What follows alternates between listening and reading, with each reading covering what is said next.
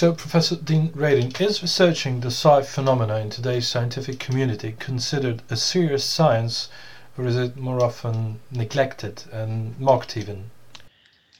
Well, I think um, psi research is still considered a, a fringe area of science, although uh, scientists who uh, may be curious about it and check whether the work is uh, consistent with other scientific principles in terms of the methodology, uh, will find that it is as scientific as any other domain.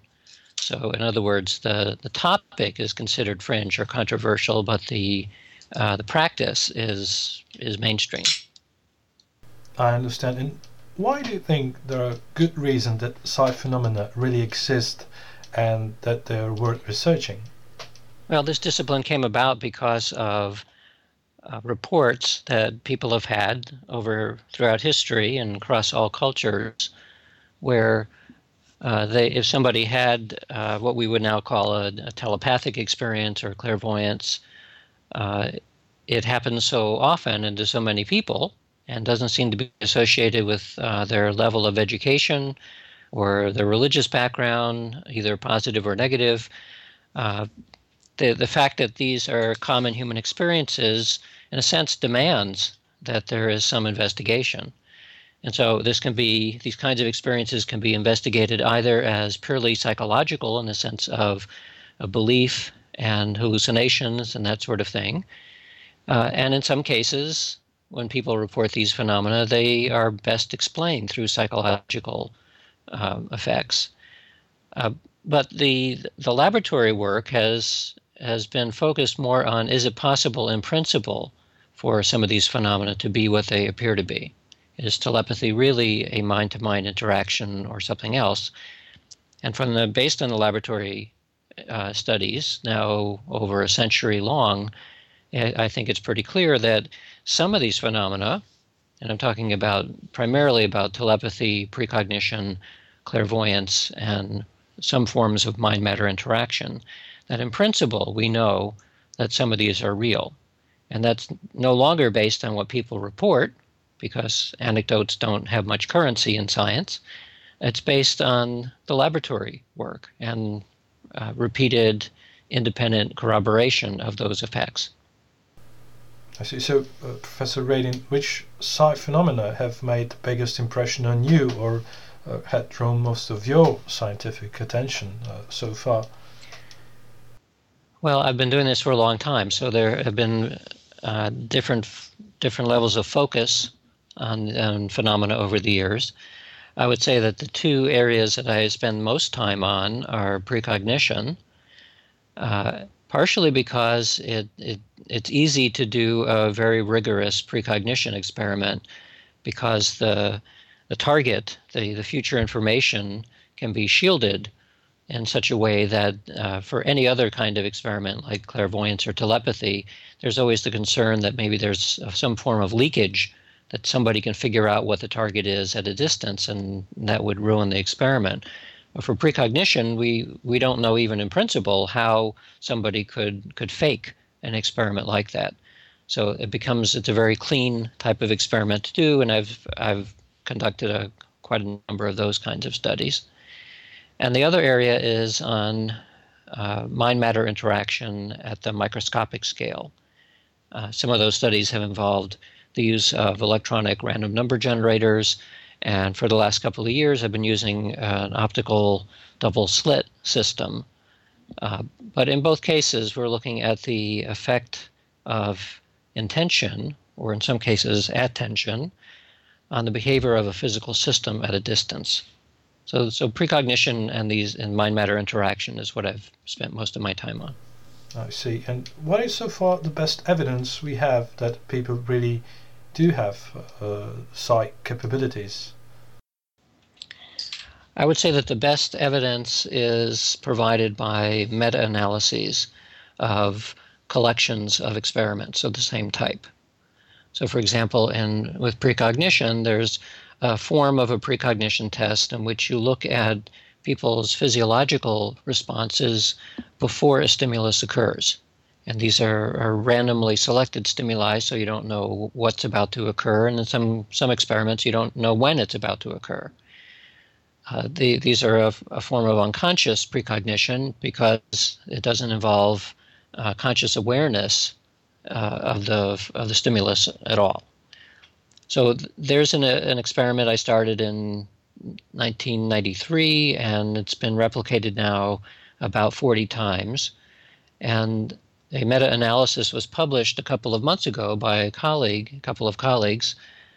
And the, the overall results, looking at all experiments of this type, makes it very clear that whatever is going on in these experiments is independently repeatable. And so it's the independent repeatability of these effects that I think provides the strongest evidence that there's something real that's going on. Well, mainstream science rejects psi phenomena mainly also because uh, they couldn't be possible according to the current physical theories. How can we reconcile this phenomena with the physical laws? Well, it's quite true that the, the primary challenge of psi phenomena is really a problem for physics, much more than it is for psychology or the neurosciences. In other words, the all of these phenomena have in common the idea that somehow information gets into your head uh, and it's getting in there without the use of the ordinary senses.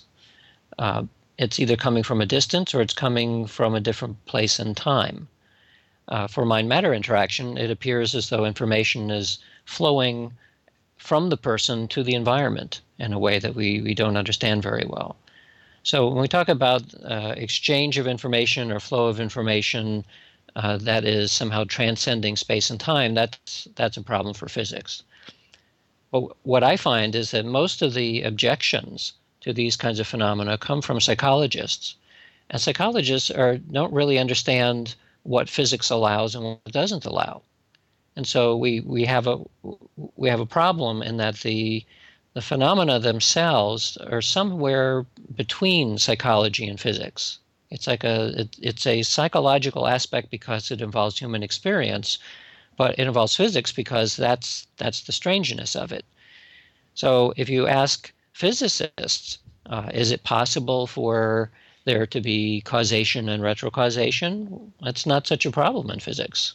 We know at, at elementary levels that uh, time symmetry, for example, is perfectly possible. Uh, but as I said, psychologists are not familiar with that, and so uh, off, we will often see objections like uh, these phenomena violate the laws of science. Uh, but that's said by somebody who doesn't actually know what the laws of science are in all domains. And so, uh, to a large extent, the objections are simply a reflection of the fracturing of knowledge within scientific disciplines and I, I, guess from, from my own experience, I, I've worked both in physics and engineering and psychology. And so I find it easy to move between those different domains, and I don't see it as, as a big problem. That said, it's clear that we don't yet have a theory that adequately explains why these phenomena appear the way that they do. But I think it's very clear to me that uh, these effects are not violating the laws of science as we know them, uh, there is simply a couple of puzzles left to figure out. And I expect that at some point, when science becomes more comprehensive, that we'll actually have a pretty good explanation. And one last question, Professor Dean Radin. Do you believe that in the future there will be a turnover and science will embrace the existence of uh, psi phenomena? Is it possible? I think that's inevitable. I think uh, in this case, uh, we have uh, human experiences that have been reported throughout history and have been tested in the laboratory, in some cases have been confirmed. What we essentially are doing is what science is very good at it takes observations. Initially, the observations are not very well explained, and this is true in every scientific domain. It may take a long, long time before somebody figures out how to explain it. And so a good a good analogy here is uh, the study of electricity. So we have Benjamin Franklin in the, the 17th uh, 1700s working with uh, flying a kite and seeing little sparks that are associated somehow with lightning. And at that time, no one had any idea that there was a relationship between sparks and and uh, static electricity and the huge amount of current in a lightning bolt. I mean, at that time, would they have projected that we could do with electricity what we do today? The answer is probably no. It took hundreds or thousands of experiments looking at electricity and electromagnetism before someone like Maxwell came along and was able to figure out uh, a theory that kind of tied it all together. And so I think we're at the stage with psi phenomena, which is closer to where Benjamin Franklin was than we are to where Maxwell is. And we, we may need 200 years worth of experiments uh, to begin to pull together both from an empirical point of view and from a theoretical point of view what is going on. But I'm fairly confident, just based on history, that if these phenomena are real, then eventually science will figure it out.